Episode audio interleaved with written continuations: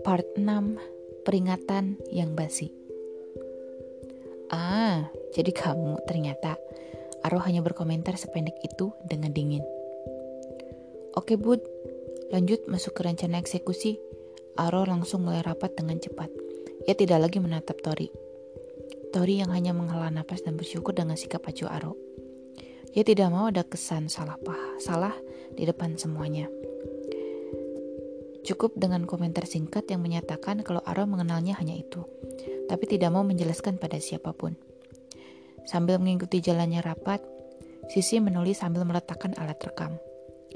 Tori dan Errol bertukar catatan, karena sepertinya rapat itu begitu kaku, hingga tidak ada interupsi. Tori memberi banyak catatan yang diikuti komentar Errol. Ada rencana pemotretan di Lombok, Gunung Bromo, dan Pontianak untuk suasana back to nature. Sementara mereka juga melakukan pemotretan di luar, yaitu Paris dan London untuk With Passion karena temanya adalah Back to Nature with Passion. Kemudian mereka memaparkan modelnya, lima model masing-masing mewakili satu majalah. Lalu membicarakan anggaran yang terlihat fantastis. Budiman yang melakukan presentasi terlihat sangat tenang dan percaya diri. Ia memaparkan segala eksekusi konsep dengan apa adanya. Tori terus memberi catatan dengan lebih lagi. Keningnya kian mengerut makin dalam. Ada yang mau disampaikan? Tanya Aros setelah Budiman selesai presentasi. Karena tidak ada yang bergerak, Tori mengacungkan jari.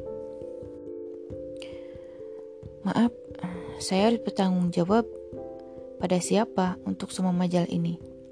Saya keberatan harus dikomando oleh banyak orang. Membingungkan diberi petunjuk oleh lebih dari satu orang mengganggu proses pemotretan dan prosedur. Budiman memandang Tori lalu Aro. Ia gelisah karena keputusan itu harus datang dari Aro. Tim glitter pun cukup kerepotan mengurus produksi glitter sendiri dan memantau edisi khusus ini. Budiman kekurangan orang dan Aro tahu itu. Setiap pembrid akan memantau langsung majalah masing-masing. Baik, saya akan memantau langsung. Bud, kamu siapin detailnya ke Paul untuk menyesuaikan jadwal. Keputusan Aro sontak membuat semua orang makin pucat. Itu artinya Aro yang akan aktif terjun untuk edisi kali ini. Semua orang makin gelisah dan melotot tidak senang pada Thor yang cara tidak langsung membuat kondisi tidak nyaman itu terjadi. Tapi Tori mengangguk tegas. Ia hanya bersikap profesional. Satu lagi, karena setiap majalah punya pasar masing-masing, saya ingin dimasukkan dalam setiap rencana brainstorming masing-masing majalah. Penting bagi saya menyamakan persepsi.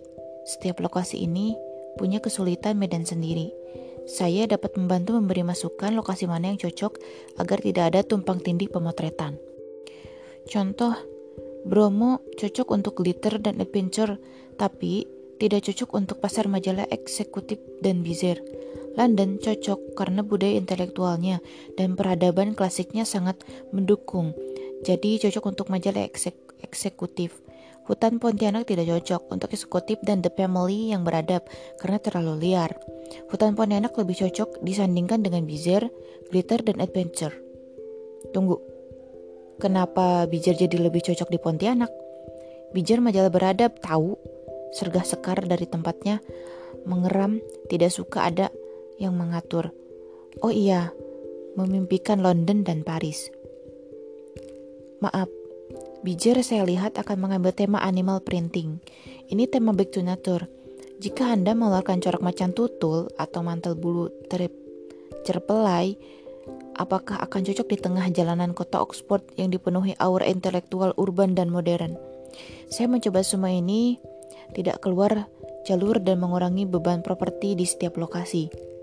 Semua orang diam memandang Tori, menyadari bahwa perempuan mungil nyentrik ini sudah menjalani banyak tempat, bekerja untuk banyak perusahaan, dan pengalaman yang tidak bisa dianggap enteng hanya karena penampilannya seperti perempuan berandalan. Baik, aku setuju Bud. Kamu urus jadwal pertemuan permajalah dalam minggu ini. Aron mengangguk membiarkan Sekar dengan kemarahannya. Tori, kita harus bicara. Rapat selesai. Aro langsung bangkit dan keluar ruangan diikuti sekretarisnya Paul. Tori mengerjap mata karena betapa cepatnya keputusan yang Aro buat. Aduh, makasih loh Tor. Gue memang gak mungkin mengawasi semuanya. Kami sendiri agak kelimpungan dengan glitter. Tapi hebat lo hari ini. Pus gak ngomel. Budiman menepuk bahu Tori dengan desalga. Yuk gue angkat, yuk, yuk gue antar ke ruangan Pak Aro. Ya, haruskah?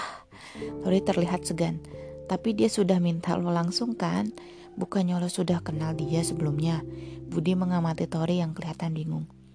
Sisi dan Errol hanya memasang wajah tanpa ekspresi, tapi melirik Tori penuh tanya. Tori berdecak dan mengangguk pasrah mengikuti Budiman. Errol mengisyaratkan dengan tangan untuk menghubunginya jika ada apa-apa. Aro menatap perempuan di hadapannya dengan tajam dan diam cukup lama untuk mengamatinya lebih jelas kali ini. Tori berdiri tenang di seberang meja Aro. Dengan sikap acuh dan kedua tangan dimasukkan ke saku jaket kulit hitamnya. Membalas mengamati Aro dalam setelan jas dan rompi eksekutif yang formal, rapi, sangat mahal, dan kompeten. Rambut gondrongnya yang diikat hanya menambah kesan gahar, kasar, dan keras padanya. Aro yang ini mengenakan kacamata tanpa prem. Di atas, hidung kukuhnya yang elegan, ketampanannya yang keras, terlihat terpelajari juga terkendali. Fotografer gue ternyata lo. Cewek preman kasar, liar dan keras kepala. Gumam Aro tenang. Tatapannya langsung menatap mata Tori.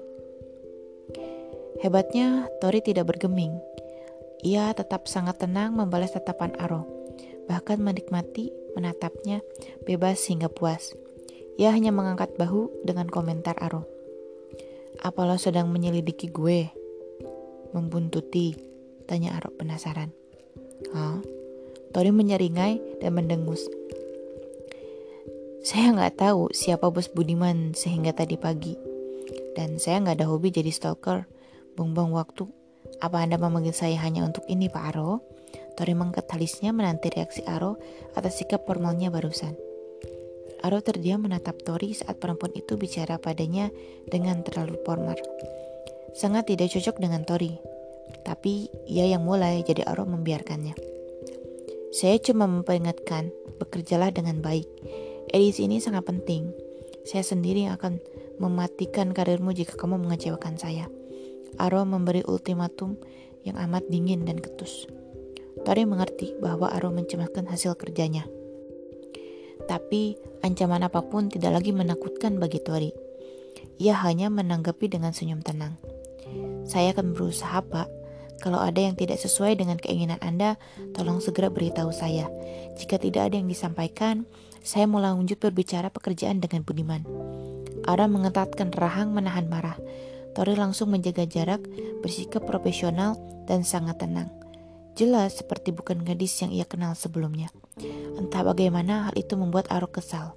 Ia cuma mengebaskan tangan dengan sinis menyuruh Tori keluar dan mulai mengerjakan pekerjaannya.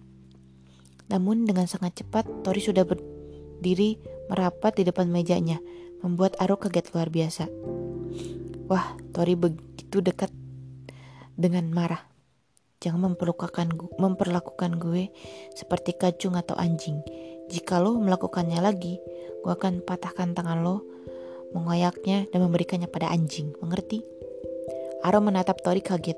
Sialan, gadis ini begitu berani, frontal, apa adanya tapi pembawaannya tetap tenang. Seperti seekor buaya yang diam dan tenang mengintai, tapi buas melahapnya. Mata Tori yang seperti kijang menatapnya tajam, nyaris bengis. Dengan senang hati Nona Tori, Aro menjawab dengan acuh, mengendalikan dirinya. Tori pun mundur dengan cepat sambil meredakan debar jantungnya, antara menahan marah dan terpesona pada Aro. Jaga jarak Tori Jaga jarakmu selebar mungkin. Pria itu jauh dari jangkauanmu. Mustahil memandangmu sebagai perempuan. Mustahil tertarik padamu. Tori bergerak meninggalkan ruangan itu dengan derap cepat tanpa menoleh pada pria dingin, arogan yang seksi itu. Proyek ini hanya dua bulan. Ia tidak mau kerja kerasnya rusak karena pria. Bahkan kalau dipikir lagi, kehidupan cintanya tidak pernah bagus. Karena ia sering bepergian, hubungannya tidak pernah langgeng. Pacar-pacarnya selalu bilang mereka seakan tidak punya pacar. Tori terlalu membosankan, terlalu misterius dan rumit. Mereka tidak sabar menghadapinya, tidak kuat berada di sisinya yang tidak bisa menerima dirinya apa adanya. Karena itu, Tori tidak lagi berpikir soal cinta, bahkan menikah. Walau ia sangat menyukai anak-anak dan menginginkan anak miliknya sendiri, tapi ia tidak bisa melakukannya jika bukan dengan pria yang juga mencintainya sepenuh hati. Saat ini fokusnya adalah bekerja untuk menyelamatkan apa yang penting baginya. Jadwal dibagikan, Tori dikenalkan ke tiap divisi, dan ia wajib masuk kantor setiap hari walaupun tidak ada jadwal pemotretan. Tori diberi meja di kantor Gritter, namun pada hari Jumat mereka akan ada jadwal pemotretan ke Bromo selama 4 hari. Nah itulah part 6 nya Aku bakal bacain ke part 7 Awal-awalnya sih Part 1, part 2 itu banyak banget kan ya Sampai setengah jam, setengah jam Tapi kayaknya part-part ke sini udah mulai pendek Jadi uh, bisa dengerin jadi aku bakal bacain eh, nggak uh, cuma satu part tapi dua atau sampai tiga part tergantung keadaan ya. Oke, selamat mendengarkan.